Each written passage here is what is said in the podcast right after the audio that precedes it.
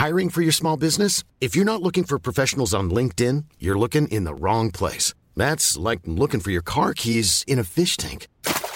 LinkedIn helps you hire professionals you can't find anywhere else, even those who aren't actively searching for a new job but might be open to the perfect role. In a given month, over 70% of LinkedIn users don't even visit other leading job sites. So start looking in the right place. With LinkedIn, you can hire professionals like a professional. Post your free job on linkedin.com slash people today.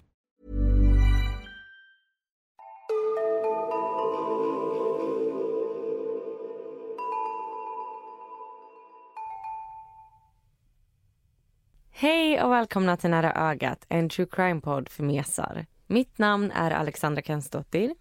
Och jag heter Amelia Ingman. Vilket avsnitt är vi på nu? 61. Sjukt. Ja. Den här hösten har gått så fort. Verkligen. Alltså jag har märkt en sån konstig biverkning av att ha den här podden. Okej, vadå? Eller biverkning och biverkning, jag vet inte riktigt vad det heter. Men så fort jag tittar på en true crime dokumentär eller lyssnar på någon annan true crime podd så tror jag att personen ska överleva. Alltså det är som att det sitter så djupt rotat i mitt bakhuvud att jag blir chockad när de inte gör det. Nej, vad sjukt. Ja, men alltså, det är som att man har blivit så inmatad med att personerna alltid klarar sig. Så att nu när man tittar på något annat så bara, men va? Dog hon? Ja, alltså jag förstår vad du menar. Alltså jag, jag lyssnade på en podd häromdagen som handlade om en kvinna som miste livet. Och det var så jobbigt att lyssna på. Man blev typ ställd över hur de kunde prata om någons död. Mm. För jag håller med, man är ju så van att bara prata om just överlevare. Ja, och innan vi startade podden så kunde jag tycka att vissa fall var väldigt, väldigt jobbiga. Men jag var ganska van vid att höra om folk som inte klarar sig. Mm. Alltså jag vill så gärna veta om det är fler som känner så här. Kan inte du som lyssnar gå in och kommentera på vår Instagram om ni känner igen det här tänkandet? Ja, det får ni hemskt gärna göra. Det är jätteintressant att höra vad ni tycker. Och vi heter Nära ögat podd på Instagram. Är det så att man blir mer och mer mes ju mer man lyssnar på oss? Jag tror det. Ja. För jag menar varje vecka så är det någon som skriver och säger att det här var det värsta avsnittet någonsin eller de här fallen var så hemska. Och vi bara, men då har du inte hört avsnitt ett. Om ni inte har hört avsnitt ett så är det otroligt brutalt. Amelias fall är typ fortfarande ett av de fallen jag kan drömma mardrömmar om. Ja, det är riktigt grovt. Och jag och Assa, vi var på ett event häromveckan. Och då träffade vi en tjej där, eller en vän till dig Assa, som tog upp just det här fallet som jag pratade om i avsnitt ett. Och hon sa att det har verkligen fastnat hos henne. Så efter den konversationen så blev jag påmind om ett annat fall som kanske liknar det fallet jag tog upp i avsnitt ett lite grann, fast som inte är lika hemskt. Och det hade jag tänkt berätta om idag. Spännande.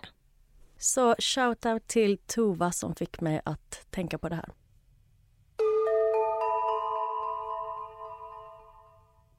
Idag kommer mitt fall inte handla om något brott. Så det är kanske inte true crime utan det här är en sjuk händelse och en otrolig överlevnadshistoria. Mina källor är AG Week, KFYR TV, New York Times och LA Times. Idag ska jag berätta om John Thompson och dagens fall äger rum den 11 januari 1992 när John är 18 år gammal. John bor på en bondgård tillsammans med sin familj i det lilla samhället Hursfield i North Dakota, USA. Han är den yngsta av tre syskon och det enda barnet som fortfarande bor hemma. Och denna dagen har Johns pappa och styvmamma åkt in till stan Bismarck som ligger cirka 14 mil bort. Så John är ensam hemma på gården och idag tar han sovmorgon. Det är en kall dag, men solen skiner och frosten har börjat smälta när John går ut vid lunchtid. Hans syssla för dagen är att lasta av spannmål från en tippbil. Och jag har inte jättebra koll på hur detta fungerar, men han använder sig av utrustning likt ett transportband som ska transportera spannmålet från tippbilen till en behållare och har en kraftöverföringsaxel inkopplad mellan traktorn och redskapet. Och detta är något som John gjort flera gånger tidigare. Det finns skydd som man kan sätta över kraftuttaget. Men de här skydden brukar komma i vägen när utrustningen rengörs och går ofta sönder. Så många tycker att man klarar sig utan dem och det tycker även Johns familj.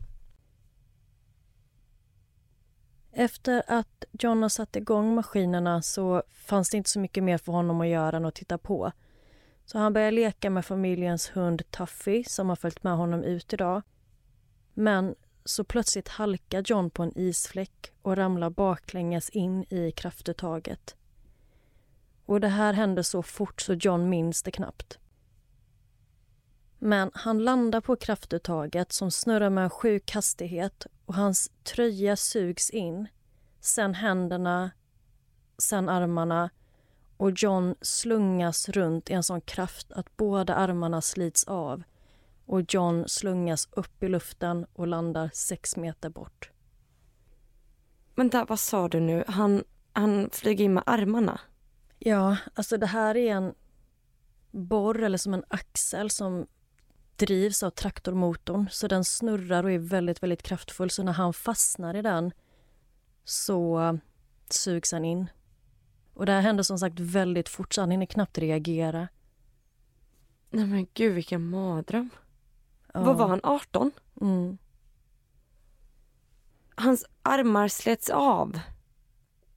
Ja, precis nedanför axeln. Men det är helt sjukt. Och han kommer överleva det här? Ja, han överlever. Ja, det är helt otroligt.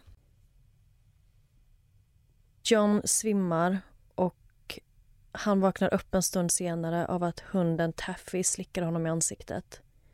När John vaknar upp så är han väldigt förvirrad och han börjar gå igenom en checklista i huvudet och tänker är jag sårad? Blöder jag? Är det en dröm? Och John ligger på sin vänstra sida och han tittar ner mot den högra sidan av kroppen men han kan inte se sin arm. Så han tror först att den är bruten och hänger på ett sätt så att han inte kan se den. Så han försöker ta stöd mot sin vänstra arm och ställa sig upp. Men han ser då att den är borta. Och han inser att det är även den högra armen. Det måste vara en sån otrolig chock att vakna upp. Ja, och han beskriver att han först har väldigt svårt att ta in vad det är som har hänt. Som jag sa, han tittar ju ner och försöker hitta armarna men han förstår ju först inte att de är av. Ja, men bara så sätta sig upp så brukar det vara att man tar sig upp med armarna. Och att då bara så här, det finns ingenting som tar emot. Nej. Och precis som du säger så har han jättesvårt att ta sig upp. Men John har landat intill ett traktordäck så han lutar huvudet mot däcket och trycker sig sedan upp med hjälp av huvudet och ryggen. Och han tittar återigen ner efter sina armar men ser bara rött där de ska sitta. Och John får total panik och skriker rakt ut. Närmsta granne är tre kilometer bort och det finns ingen chans att någon kommer höra hans skrik. Kroppens naturliga försvar börjar jobba och han hamnar i chock vilket sänker hans blodtryck och minimerar blodförlusten. Och hans nerver är också i ett chocktillstånd vilket dämpar smärtan och han kan ändå tänka klart. Hans överlevnadsinstinkt och adrenalin kickar in och han vet att han måste ta sig hem. Så han försöker springa och stapplar cirka 100 meter till familjens hus. Men när han kommer fram så är dörren låst. Han försöker ta sig in via en skjutdörr på baksidan utanför köket. Så han sticker in ett ben eh, alltså överarmsbenet som sticker ut från hans vänstra axel och försöker kila in det i metallhandtaget men lyckas inte få tillräckligt mycket kraft för att skjuta upp dörren. Nej men gud. Alltså när du sa att han tryckte in ett ben så tänkte jag liksom foten. Nej. Inte skelettbenet från armen. Precis så, ja. Jag kanske skulle varnat där för otäcka detaljer men ja, han tar då ett, försöker trycka med axeln kan man säga. Åh oh, herregud. Han skyndar sig sen runt till garaget och John försöker sparka in en sidodörr. Men han har väldigt lite kraft i sina sparkar och har även svårt att hålla balansen utan sina armar. Men så sätter han sig på knä och lyckas öppna dörrhandtaget med munnen. Han tar sig in i huset och efter det så knäar och sparkar han in dörren till sin pappas arbetsrum. Och Han var tvungen att ta sig in hit eftersom det är det enda rummet i huset som har en telefon med knappar. John plockar upp en penna med sina tänder och trycker in numret till sin kusin Tammy. Och Anledningen till att han inte ringer 911 är för att staden han bor i är så liten så det finns ingen larmcentral där. Så i samtalet så skriker John att Tammy måste ringa efter hjälp och att han inte kan känna sina armar, att de är borta. Och efter att Johns kusin Tammy tagit emot samtalet så ringer hon till ett café inne i stan för att få tag på Johns styvmamma som i sin tur lyckas få tag på det lokala sjukvårdsteamet som består av en grupp volontärarbetare som är 20 kilometer bort i en annan stad. Kusinen Tammy ringer sen till sin mamma och säger att hon behöver skjuts hem till John och tillsammans åker de till gården. De går in i huset och ser spår av blod överallt. Och De hittar John liggandes i badkaret. Och Han har lagt sig här för att han säger att han vill inte bloda ner och förstöra sin styrmammas nya mattor. Nej men, lilla hjärtat. Hur kan han ens tänka på det i en sån här situation? Men det måste ju typ vara chocken. Ja. Att det känns logiskt för honom. Ja, säkert. Och John vill inte att Tammy ska se honom så här. Men Tammys mamma går in till John i badrummet och försöker trösta honom och hålla honom lugn i väntan på ambulansen. Och John är ändå i gott mod och han är relativt lugn och drar väldigt många skämt. Och han skojar bland annat om att han ändå ville sluta röka men att han inte tänkte att det var så här han skulle sluta. Det tog 30 minuter för ambulansen och de tre sjukvårdsarbetarna att ta sig till gården. Och när de kom fram så är en av dem en student som pluggar till att bli akutläkare. Den andra har bara grundläggande utbildning och den tredje jobbar egentligen med något helt annat och har bara fått utbildning inom hjärt och lungräddning. Och detta var hans första utryckning med ambulans någonsin. Så det föll typ på John att organisera situationen. Så han instruerar ambulansmännen att hämta armarna som ligger kvar ute på fältet. Han berättar vad de kan hämta is och soppåsar och lägga armarna i. Och de följer liksom hans instruktioner. Och när det är gjort så viras John in i filtar och körs cirka fyra mil till det närmsta sjukhuset. Från sjukhuset flygs han med helikopter till North Memorial Hospital i Minnesota. John är fortfarande vid medvetandet när han kommer fram till sjukhuset i Minnesota. Hans puls och blodvärden är bra och för någon med avslitna armar så är han ändå i bra form. Men John har tappat väldigt mycket blod så läkarna sa att han borde vara död. Men genom att han tog sig in i huset så hade han lyckats förhindra kroppstemperaturen från att sjunka och genom att krypa ihop i badkaret och i och med att han låg så pass stilla så hade han minskat blodförlusten. John ska omedelbart opereras och de ska försöka sätta tillbaka armarna igen. Och Den här typen av operation är väldigt sällsynt men kirurgen Dr. Alan Van Beek har redan gjort tre liknande operationer tidigare ett av de här tidigare fallen handlade också om ett kraftuttag. En om en spannmålsborr och den tredje en stenkross vid ett grustag. Så alla var arbetsrelaterade olyckor. Men oavsett hur lyckad operationen skulle bli så visste kirurgen att John aldrig kommer kunna bli helt återställd. Vilket han inte var riktigt säker på att John helt förstod eftersom han fortfarande verkade ta väldigt lättsamt på allt. Men läkarna förklarar för John att operationen är extremt riskfylld, att han kanske inte överlever och även om det skulle gå bra och de lyckas sätta tillbaka armarna igen så finns det en risk för att kroppen kommer stöta bort dem eller att han kanske får en infektion och så vidare. Men John är helt säker på att han vill göra den här operationen. Operationen tar cirka 6-7 timmar. De är tre kirurger som jobbar med John, en för vardera arm och en ortoped för skelettet.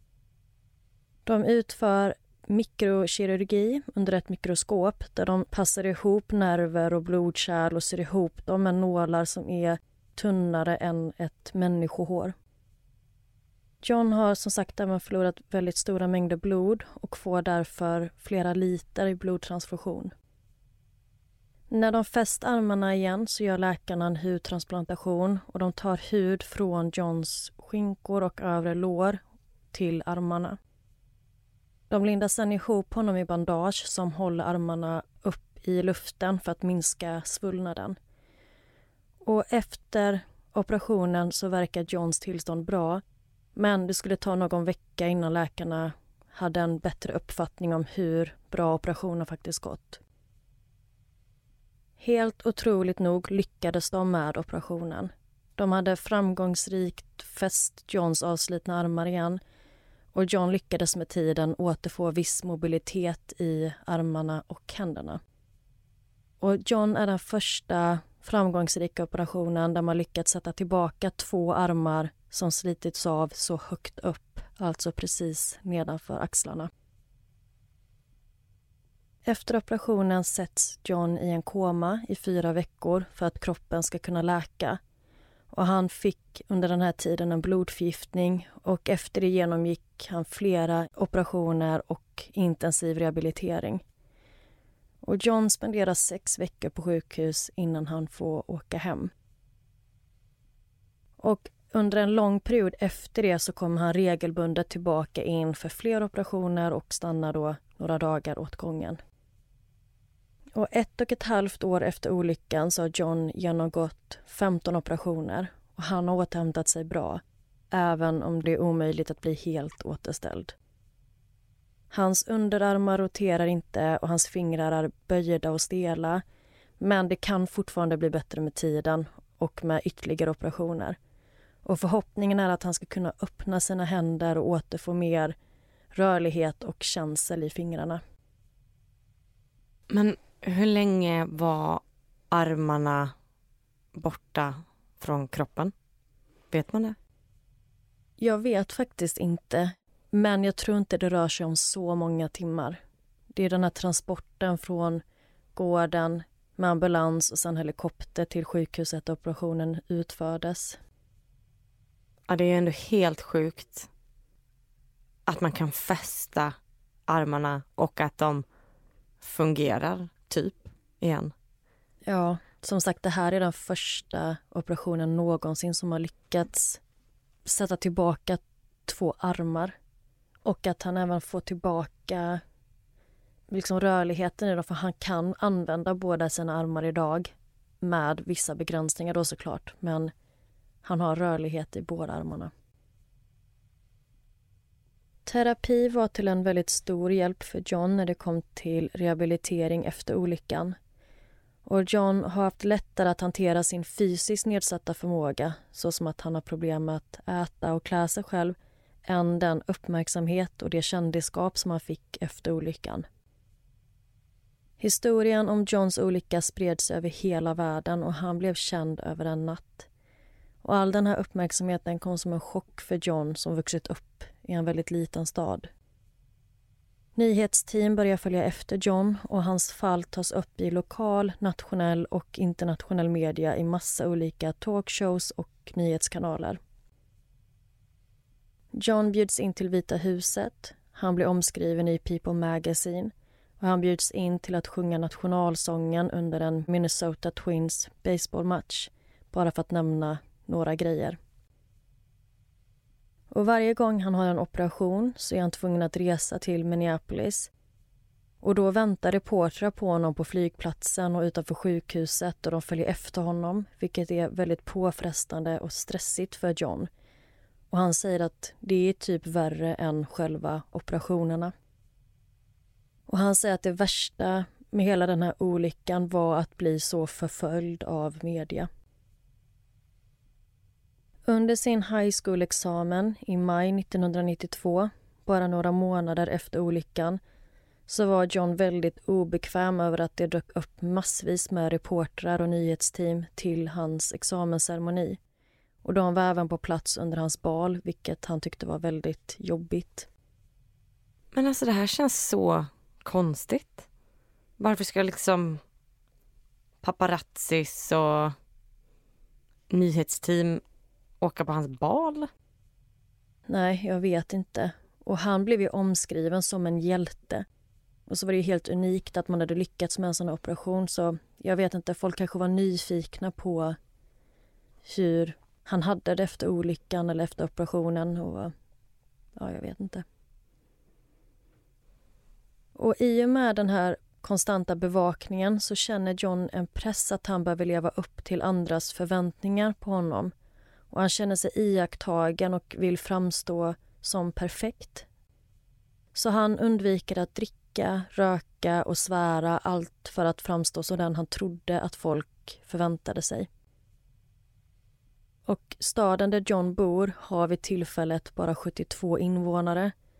Så det är lätt att förstå att man kanske känner sig bevakad och att man har ögonen på sig även om man inte skulle ha ett helt nyhetsteam efter sig.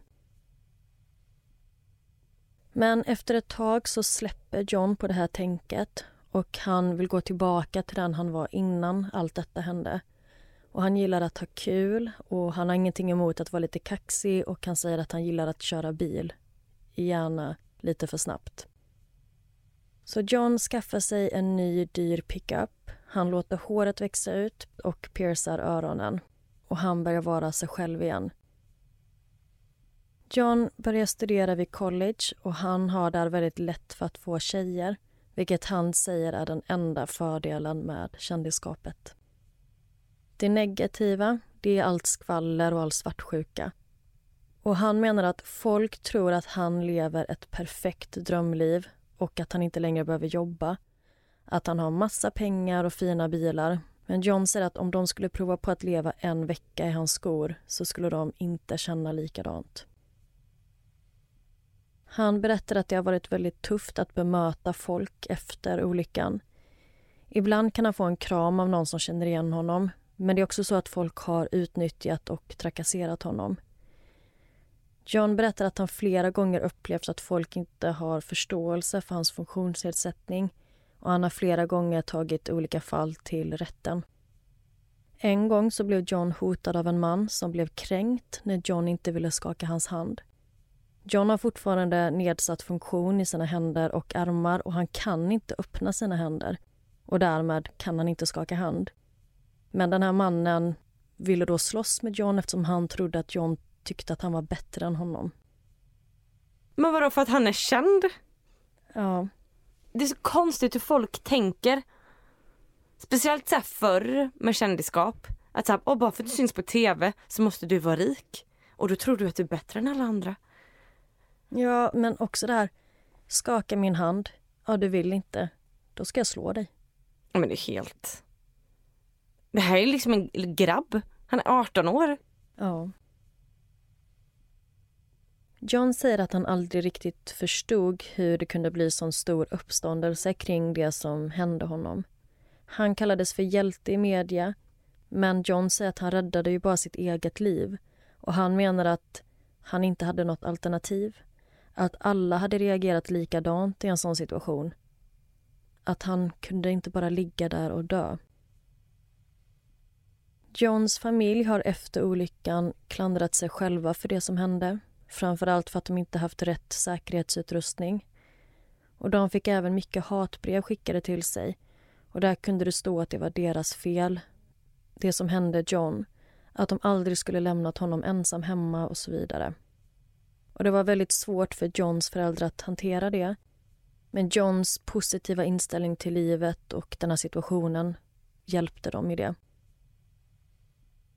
John beskriver sig själv som envis och att han tar saker som de kommer. Vilket har hjälpt honom att ta sig igenom och bearbeta allt det här. Han menar att han sätter inte upp några mål för sig själv utan det som händer, händer.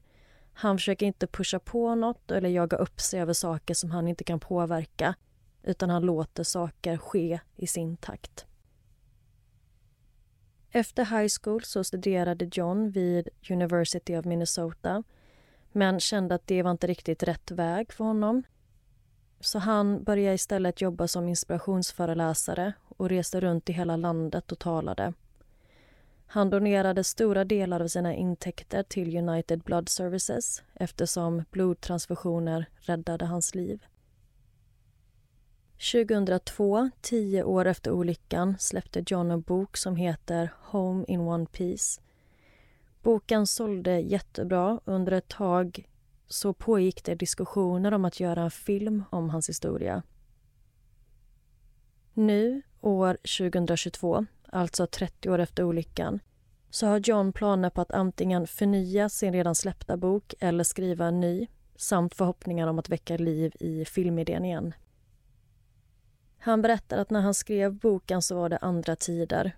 Det fanns vissa saker som han blev tillsagd att han inte kunde skriva om eller ta med och att det skulle få honom att se dålig ut. Så han valde att inte ta med en hel del som han först hade tänkt.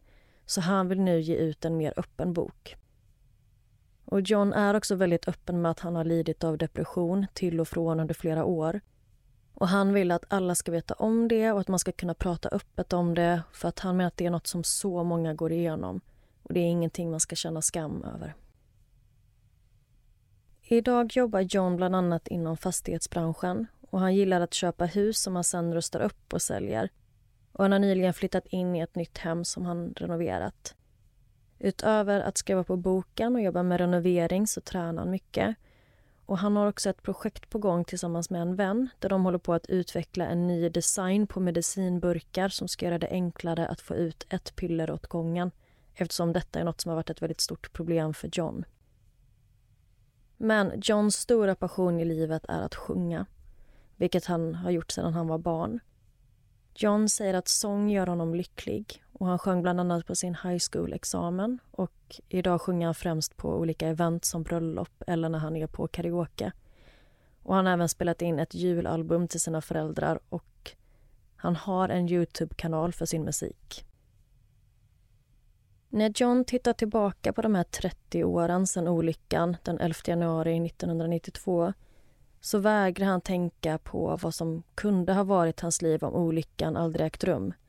Han säger att det lönar sig inte att tänka tänk om. Han försöker istället fokusera på allt bra som kommit hans väg genom livet. Bland annat en historia om en pojke som var 11-12 år gammal och var ute i en hönsgård där han höll på att mala hönsmat när hans händer fastnade i kvarnen och han förlorade båda sina händer. Den här pojken kunde inte ta sig ut ur hönsgården och han var ensam där och ingen hörde honom. Så han satte sig bara ner och kunde inte ta sig ut. Och när han sitter där och håller på att förblöda så minns han plötsligt Johns historia om hur John hade öppnat dörrhandtaget med hjälp av munnen. Så pojken gör likadant och lyckas ta sig ur. Och det värmer Johns hjärta att veta att hans historia ledde till att den här pojken överlevde. Och det var berättelsen om John Thompson. Det här är ju en av de sjukaste historierna jag hört. Ja, man tror knappt att det är sant. Jag hoppas att så Netflix eller HBO eller någon köper rättigheterna och gör filmen. Jag vill se den. Ja, John är ju jätteinne på det spåret nu så jag hoppas att han lyckas med det. Alltså sån otrolig kämpaglöd, 18 år gammal och var så stenkall och fokuserad. Ja, men jag fattar inte hur han kan vara så avslappnad med för att när jag har sett intervjuer med John och hört andra prata om det som hände så är det hela tiden fokus på hur skämtsam han var. Alltså han drog skämt och han skojade om sig själv och situationen när han var i den. Och det är ändå, ja, jag vet inte, väldigt imponerande. Mm, verkligen. Nej men alltså som du berättar så känns det som att han är ju manjana manjana lite. Han tycker, han, han tycker inte om att sätta upp mål för sig och sådär. Det känns som att han är en väldigt relaxed person. Ja, det intrycket har jag också fått. Och att han har lite den här inställningen att han tar livet som det kommer. Nu kan han sluta röka. Ja, exakt. Men han började sen igen. Ja. Men att han är väldigt avslappnad och väldigt, vad ska man säga, lättsam kring hela den här situationen. Men med det sagt så har han ju ändå haft väldigt tufft efteråt och han har lidit av depression och haft svårt att hantera just det här kändisskapet och den här väldigt intensiva mediebevakningen. Mm. Men det gör det också nästan mer intressant att han sen valde att bli inspirationsföreläsare. Ja, fast där kanske man... Ja. Det är vald uppmärksamhet i och för sig. Ja, precis. Att då är det på hans villkor, att han kontrollerar vad som sprids och vilket sammanhang och sådär. Men han har också väldigt mycket fokus på att han vill hjälpa andra och han vill sprida sin historia, sprida hopp och ja, mm. inspirera helt enkelt. Mm, man hoppas ju också att det kommer en ny version av hans bok. Som han säger, att han faktiskt kan ta med att han var deprimerad och att han mådde dåligt och saker som han annars har lämnat ute. För att det inte var okej att prata om i början på 00-talet. Ja, exakt. Och att han nu får möjlighet att dela alla aspekter av sin historia. Mm. Men gällande den här hårda mediebevakningen så säger John att tyvärr så minns han inte så mycket från den här tiden i rampljuset. Och detta eftersom läkarna tror att den här massiva blodförlusten som John utsattes för kan ha påverkat hans minne. Och John säger att han har varit i Washington tre gånger. Han har träffat paret Clinton, men han minns ingenting av det alls. Och han säger att han har gjort massa coola saker som han inte kommer ihåg. Vad sjukt. Ja, men eh, även om det inte var true crime så var det en sjukt spännande historia. Tusen tack för att du tog upp den. Tack. Nu vill jag lyssna på ditt fall.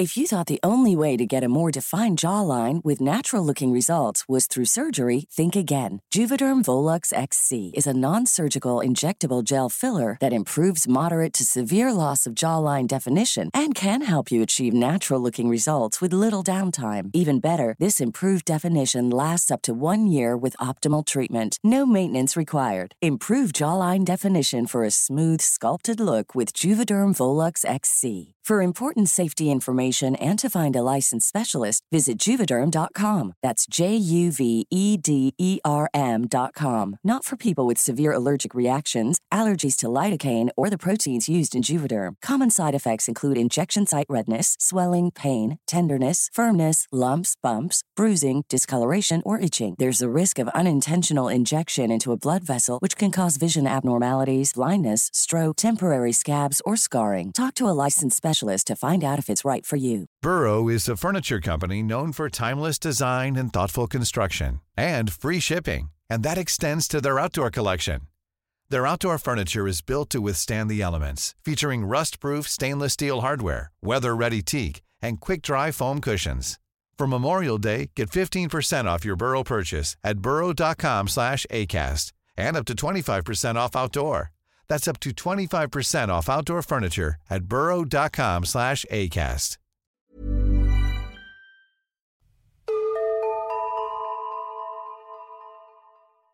Idag kommer jag köra två fall.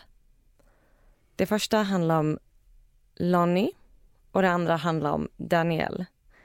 Och anledningen till det är för att jag började göra manus om Lonnie och sen så märkte jag att det var ganska kort. Det fanns inte så mycket information helt enkelt. Så då bestämde jag mig för att ta två korta fall. Och de har lite liknande teman. Så jag ska då börja med Lonnie Feather. Och mina källor är ett avsnitt av I survived, ett avsnitt av podcasten Horrible things och artiklar från Pampline Media och Crime Victim United. Lonnie Feathers är en konstnär som bor i Portland i Orlando, USA.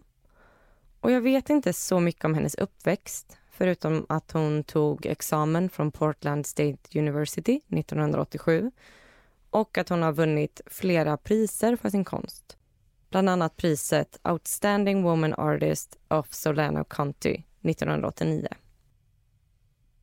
Hennes konstform inkluderar flera olika tekniker såsom glasmålningar, glaskonst och sten och träskulpturer. Någon gång i början på år 2001 så ringer Lonnie Feathers telefon. Hon svarar och det är Michael Hunter, en av hennes leverantörer av konstnärsmaterial. De har känt till varandra länge och varit bekanta i runt 20 år. Men det här samtalet verkar inte handla om att sälja konstnärsmaterial utan Michael ringer för att uppvakta Lani. Lani blir väldigt smickrad. Hon har känt sig ganska ensam på senaste tid och Michael är en väldigt bra lyssnare. De börjar prata mer och mer i telefon och till slut bestämmer de sig för att Michael ska ta sin husbil och köra till Portland för att hälsa på Lani. Och att han kan parkera sin husbil på hennes uppfart och bo där. Michael är snäll, omtänksam och han säger alltid rätt saker. Han köper blommor och presenter till Lani och det dröjer inte länge innan Michael i princip flyttat in till henne. Och allt verkar vara helt perfekt. I ungefär åtta månader. Den 3 oktober 2001 så är Lani på väg hem från jobbet. Hon åker inom sin redovisningskonsult för att prata om lite ekonomiska frågor gällande sitt företag. Hon funderar på att ta ett företagslån för att investera i lite konstnärsutrustning. Och de börjar kolla upp lite alternativ. Men konsulten hittar något som verkar oroande. Han frågar Lani vad det är för kreditkortsskulder hon har. Och Lani förstår ingenting. Redovisningskonsulten visar då Lani att det finns 14 olika kreditkort registrerade i hennes namn och att de har en sammanlagd skuld på över 30 000 dollar. Oj, 14 stycken. Mm. Så sjukt. Mm. Och 30 000 dollar i skulder. Lani inser ganska snabbt att Michael måste ha något med det här att göra. Så hon åker hem och konfronterar honom direkt. Han svarar väldigt konstigt. Han säger, nej men vi har ju pratat om det här. Att det här är ju kreditkorten hon ansökt om, som de har bestämt tillsammans. Men Lonnie vet att de aldrig har pratat om det här. Det här måste vara Michael som gjort. Och det Lonnie inte vet, det är att Michael är efterlyst i Texas för just kreditkortsbedrägerier. Och efter de diskuterat ett tag så går Michael ut till sin husbil och sätter sig. Och efter ungefär tio minuter så kommer han tillbaka in igen. Lani tänker då att de ska sätta sig ner och fortsätta diskutera det här problemet de står inför. Men Michael går fram till Lani och tar stryptag på henne. Lani försöker komma loss, men förlorar snabbt medvetandet. Och det sista hon ser innan hon svimmar av är hans iskalla ögon. Det går inte att känna igen honom längre. Han är helt mörk i blicken. Som ett monster. När hon vaknar till igen så ligger hon på golvet. Hon känner sig fortfarande yr och hon försöker ställa sig upp genom att stödja sig på soffan. Lani vill därifrån. Hon försöker röra sig mot dörren men Michael låter henne inte gå utan han följer efter henne. Och sen ser hon i periferin hur han tar upp något och siktar mot henne. Sen hör hon en smäll. Ljudet är så otroligt högt att hon bara hör ett ringande ljud. Och sen en till smäll. Hon känner ingenting, men hon faller ner på golvet av kraften. Och Lonnie vet knappt om hon lever eller inte. Hon har inte ont, men hon inser att hon har blivit skjuten två gånger i huvudet. I huvudet? Mm. Och jag kommer ställa samma fråga till dig som du ställde till mig innan. Överlever hon det här? Mm. Och det är inte slut än. Hon ligger på golvet och tittar ut över vardagsrummet. Och hon tror att hon ska börja se ett vitt ljus eller sin pappa som gick bort förra året. Men det händer inte. Ljuset kommer aldrig.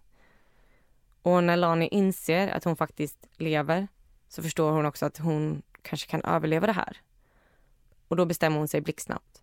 Hon måste spela död, för annars kommer Michael avsluta det han påbörjat. Men Michael är redan på väg. Han går mot henne, lägger en soffkudde över hennes huvud och sen avfyrar han två skott till.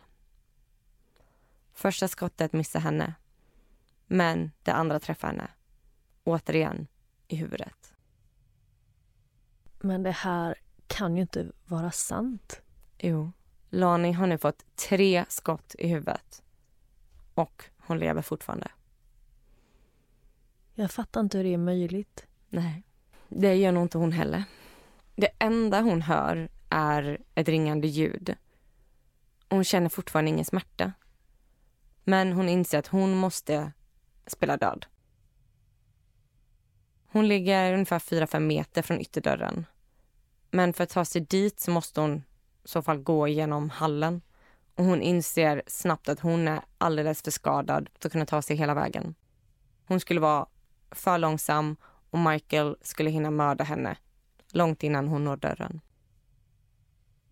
Hon hör honom. Hon hör hur han sätter sig vid skrivbordet. Hur han sätter på datorn och börjar spela datorspel. Han sätter igång tvn som går på högsta volym och tiden går. Lani är ju rädd för att förblöda. Hon förlorar ju stora mängder blod. Och ju mer tiden går, ju mer börjar hon se saker eller så här, hon börjar hallucinera. Hon ser hur hennes vänner kommer fram till henne en efter en och hon pratar med dem i sitt huvud. Hon kan också känna närvaron från sin bortgångna pappa. Men det är när hon ser sin mamma som något händer. För hon lovar sin mamma att hon inte ska behöva gå på ytterligare en begravning. Utan hon ska leva för sin mammas skull. Efter ungefär fyra timmar så hör Lani hur någon knackar på dörren. Michael går dit. Och Lani förstår att det här är chansen som hon har väntat på. Hon sträcker sig mot sidobordet bredvid soffan och börjar leta efter något med handen. Och så hittar hon den. Den sladdlösa telefonen. Hon tar den och ringer 911. Hon viskar tyst till larmoperatören att hon har blivit skjuten i huvudet. Och så säger hon vilken adress hon är på. Och sen lägger hon på. Det hon inte tänker på det är att larmoperatören måste ringa tillbaka om någon klickar samtalet. Så telefonen börjar ringa. Michael hör detta och han kommer tillbaka och svarar. Lani hör hur Michael börjar prata med larmoperatören. Hon hör knappt vad han säger men hon tror att hon hör att han säger att det har blivit någon slags missförstånd och att det bara var ett bråk. Och tiden går och går och han pratar väldigt, väldigt länge i telefon med larmoperatören. Och Lani börjar känna att hon har ingen kraft kvar och borde inte polisen eller någon komma snart? Ibland går Michael fram till Lani med telefonen och räcker den mot henne och säger de vill prata med dig. Men Lani bara fortsätter spela död. Och det Lani inte vet nu det är att polisen har uppfattat detta som en gisslansituation. Så att de är ju i telefon och försöker förhandla med Michael. Och efter ett tag så ser Lani hur det lyser upp utanför. hon förstår att det är sirener från polisbilen.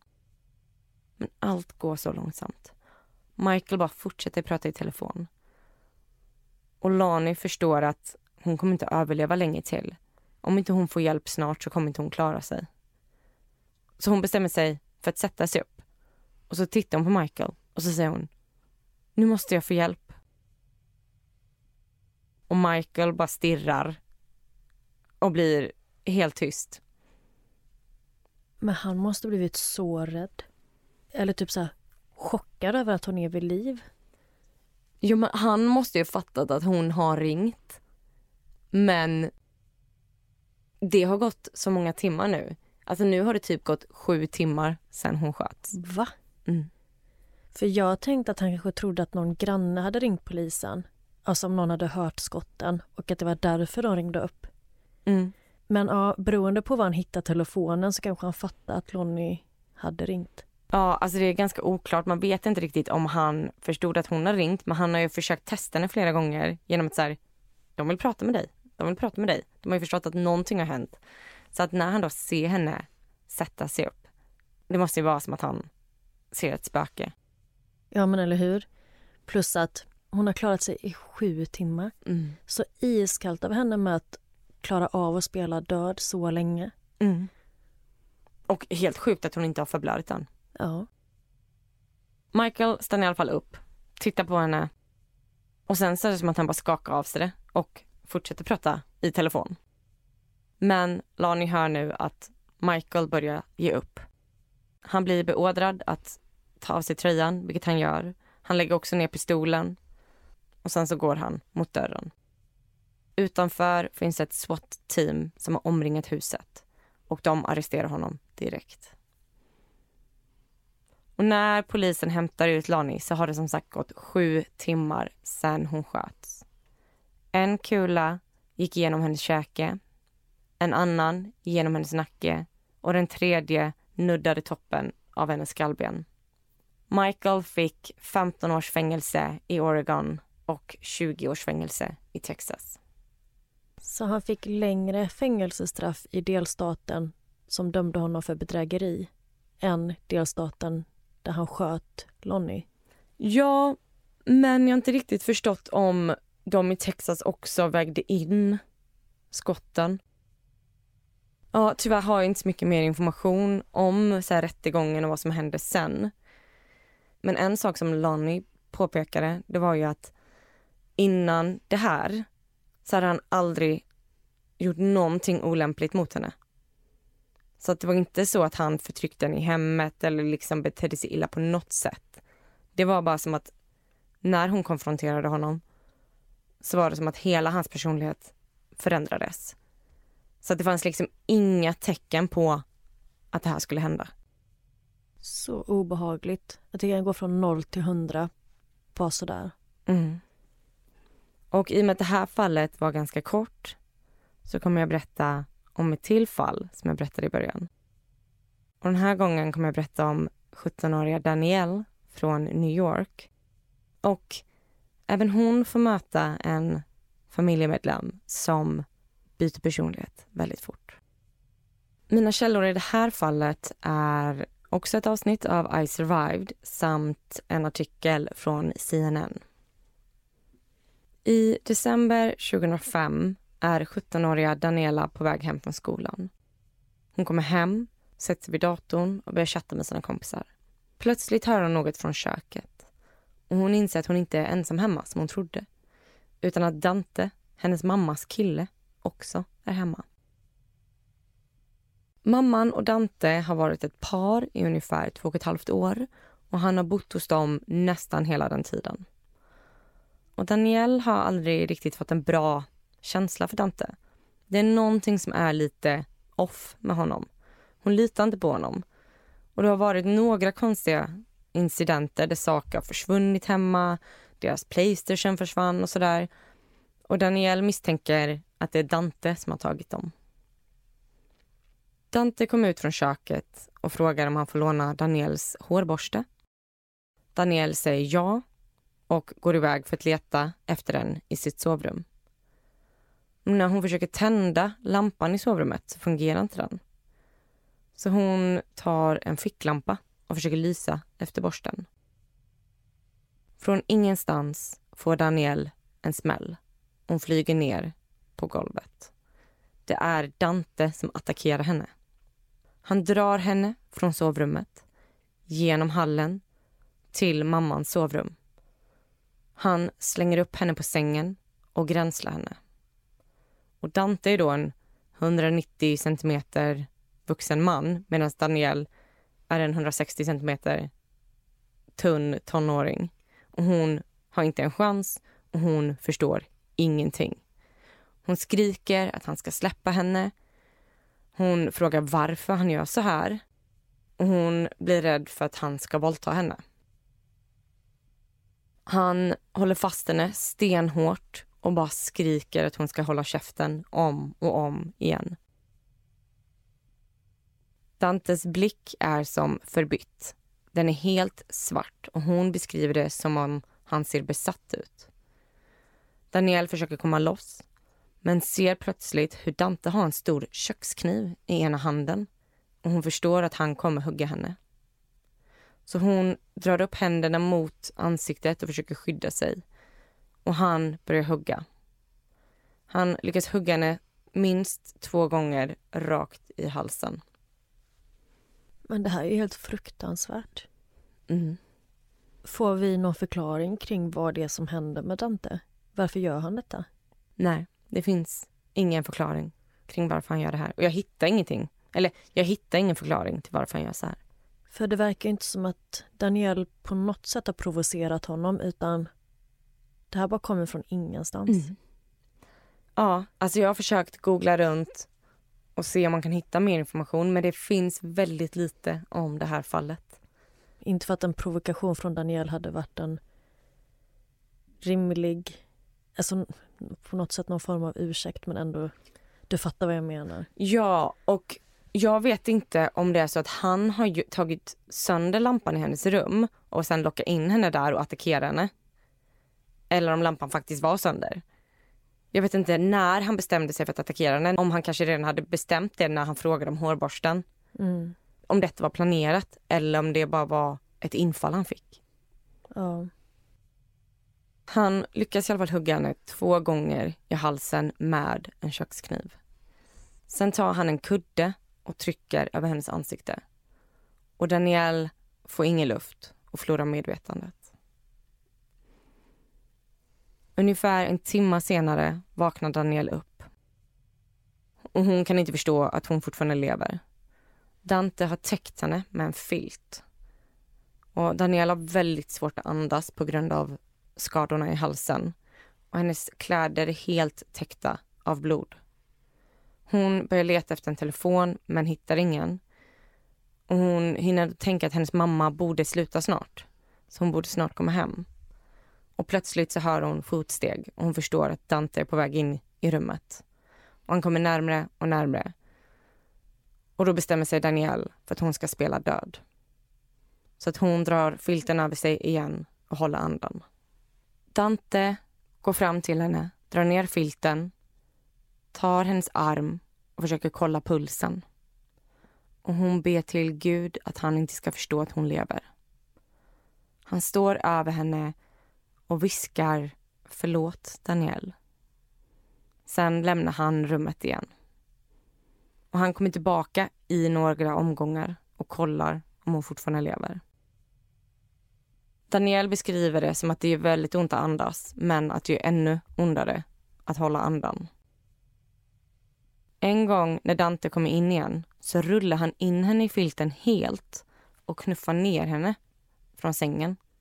Så att hon hamnar inrullad i en filt mellan sängen och väggen. Och när hon ligger där så hör hon dörren. Hon hör hur mamman har kommit hem. Hon hör också hur mamman går in i sovrummet och sätter sig på sängen. Och Danielle vill bara komma ut ur den här filten och krama sin mamma. Men hon förstår att gör hon det och hon visar sig själv så kommer mamman bli rädd och då kommer Dante förmodligen försöka döda mamman också. Så Daniel ligger där, tyst, tills mamman lämnar rummet. En stund senare så kommer Dante tillbaka in i rummet igen. Daniel ligger då fortfarande invirad i den här filten och spelar död. Dante lyfter upp Daniel och slänger ut henne på baksidan. Det är nästan som en eh, inglasad altan förutom att alla glas är sönder. Så att den leder liksom inte någonstans. Det finns ingenstans du kan ta vägen förutom in i, i rummet igen. För de bor i en lägenhet eller? Ja, Så det är som en inglasad balkong då? För att hon, de är inte på bottenplan? jag tror att de bor på bottenplan. Men det är som att det är liksom husväggar runt om. Så att det finns liksom ingen dörr till nästa lägenhetshus utan det är bara den här lilla, lilla planen utanför. Aha, okej. Så hon kan liksom inte ta sig någonstans när hon väl är där, förutom tillbaka in i lägenheten. Som jag uppfattade. Danielle inser att hon inte kan ligga där på marken. För det finns ingenstans att gömma sig. Hon kan inte få kontakt med någon där. Och det är kallt och hon känner att hon håller på att förblöda. Så Danielle samlar kraft. Hon reser sig upp, tar sig ur filten och börjar gå mot dörren. Hon smyger sig in i lägenheten igen och hör hur mamman och Dante pratar. Och De pratar om att åka till sjukhuset och till en början förstår Daniel ingenting. Men sen börjar hon lista ut att Dante har då skurit sig i handlederna som en förklaring till varför sovrummet var blodigt. Så han har skurit sig i handlederna, men inte så djupt. Men säger då till mamman att han skadat sig själv och att det är därför det är blod överallt. Så mamman säger att de ska åka till sjukhuset, men Dante säger att det är okej, det är lugnt, han kommer klara sig. Så att mamman tror ju också att det här blodet som hon har sett i sovrummet är Dantes blod. Så hon har inte en tanke på att Daniel skulle vara hemma och skadad. Och efter ett tag så får Dante syn på dörren. Han hade ju stängt den efter sig, men nu så står den öppen. Och Daniel hör hur Dante då försöker få mamman ur huset. För han vill ju att hon ska åka så att han kan avsluta det han påbörjade med Daniel. Och Daniel förstår att lämnar mamman huset så är det kört. Så nu får Daniel en oväntad kraft. Hon springer in i lägenheten. Och det visar sig att hennes bror också är hemma nu. Och han är den första som ser henne. Daniel är alltså då helt blodig, kommer inspringande. Så att han får ju total panik och bara springer rakt in på sitt rum och ringer 911 direkt. Daniel ser sin mammas rygg och hon springer fram till henne och kramar om henne. Men Daniel har ju blivit huggen i halsen så hon kan inte prata, så hon får inte fram ett ord. Och Dante är där, så då tänker han snabbt och säger han ser dem som har gjort det och springer ut. Och mamman står ju och liksom försöker få Daniela svar på vem är det som har gjort det, vad har hänt? Och till slut, till slut så lyckas Daniel få fram Dante och sen svimmar hon. Men hennes bror hade hunnit ringa polisen väldigt snabbt. Så när polisen närmar sig så ser de Dante komma springande på gatan och tar honom direkt. Och när sjukvårdare kommer till platsen så börjar de klippa upp hennes kläder för hon har alltså blod överallt och det var väldigt svårt att veta vart hon har blivit knivhuggen. Och när hon ligger där så vaknar hon till och hon frågar sjukvårdaren om hon kommer att överleva. Och sjukvårdaren säger ja. Och när hon hör det så är det som att hon drar en lättnadens suck. Hon förstår att hon har klarat det. Danielle fick sy över 160 stygn, både invärtes och utvärtes. Hon fick nervskador i tungan som hon fortfarande har kvar. Men utöver det så klarade hon sig bra. Dante erkände sig skyldig till dådet och fick 15 års fängelse för grov misshandel. Danielle menar att hon överlevde för att hon verkligen ville överleva. Hon kände att 17 år inte var nog på den här jorden. Hon hade så mycket kvar att göra i livet. Så hon kunde inte låta sig själv dö. Och hon tycker inte att hon är ett offer utan hon tycker att hon är en överlevare. Och det var allt jag hade idag med två kortare berättelser om Lani och Danielle som både överlevde för att de var smarta nog att spela döda.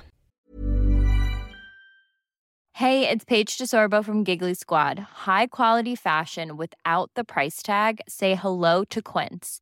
I'm snagging high-end essentials like cozy cashmere sweaters, sleek leather jackets, fine jewelry, and so much more. With Quince being 50 to 80% less than similar brands. And they partner with factories that prioritize safe, ethical, and responsible manufacturing. I love that. Luxury quality within reach. Go to quince.com slash style to get free shipping and 365-day returns on your next order. quince.com slash style. Alltså wow, vilka alltså, otroliga överlevnadshistorier. Som jag sa innan, jag kan inte fatta att man kan överleva tre skott i huvudet och de här knivhuggen i halsen. Nej, det är helt otroligt. Ja, men och att de sen kunde spela döda. Alltså fatta, Lani spelar död, blir skjuten i huvudet igen och fortsätter spela död. Daniel som behåller lugnet när han kommer in och kollar henne och kollar hennes puls. Ja, men också att hon klarar av att behålla lugnet även när mamman kommer in för att hon försöker skydda sin mamma. Mm. Det, hur kan man klara av det så ung och så skadad och ändå sätta sin mammas säkerhet före sin egen? Så starkt av henne. Verkligen.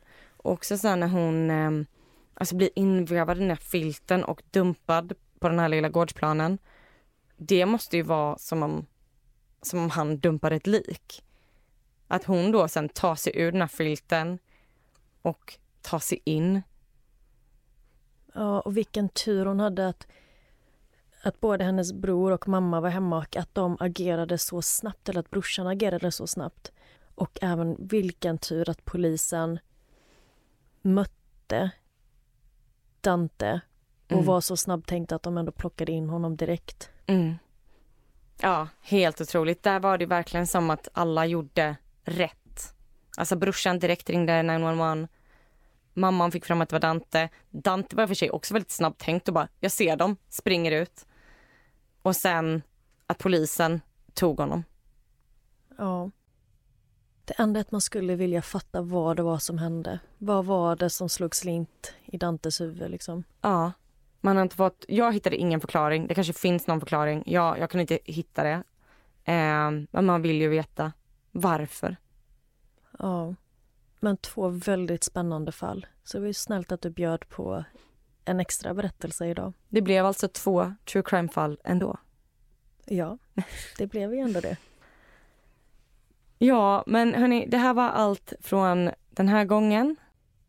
Ja, och vi är tillbaka igen nästa vecka.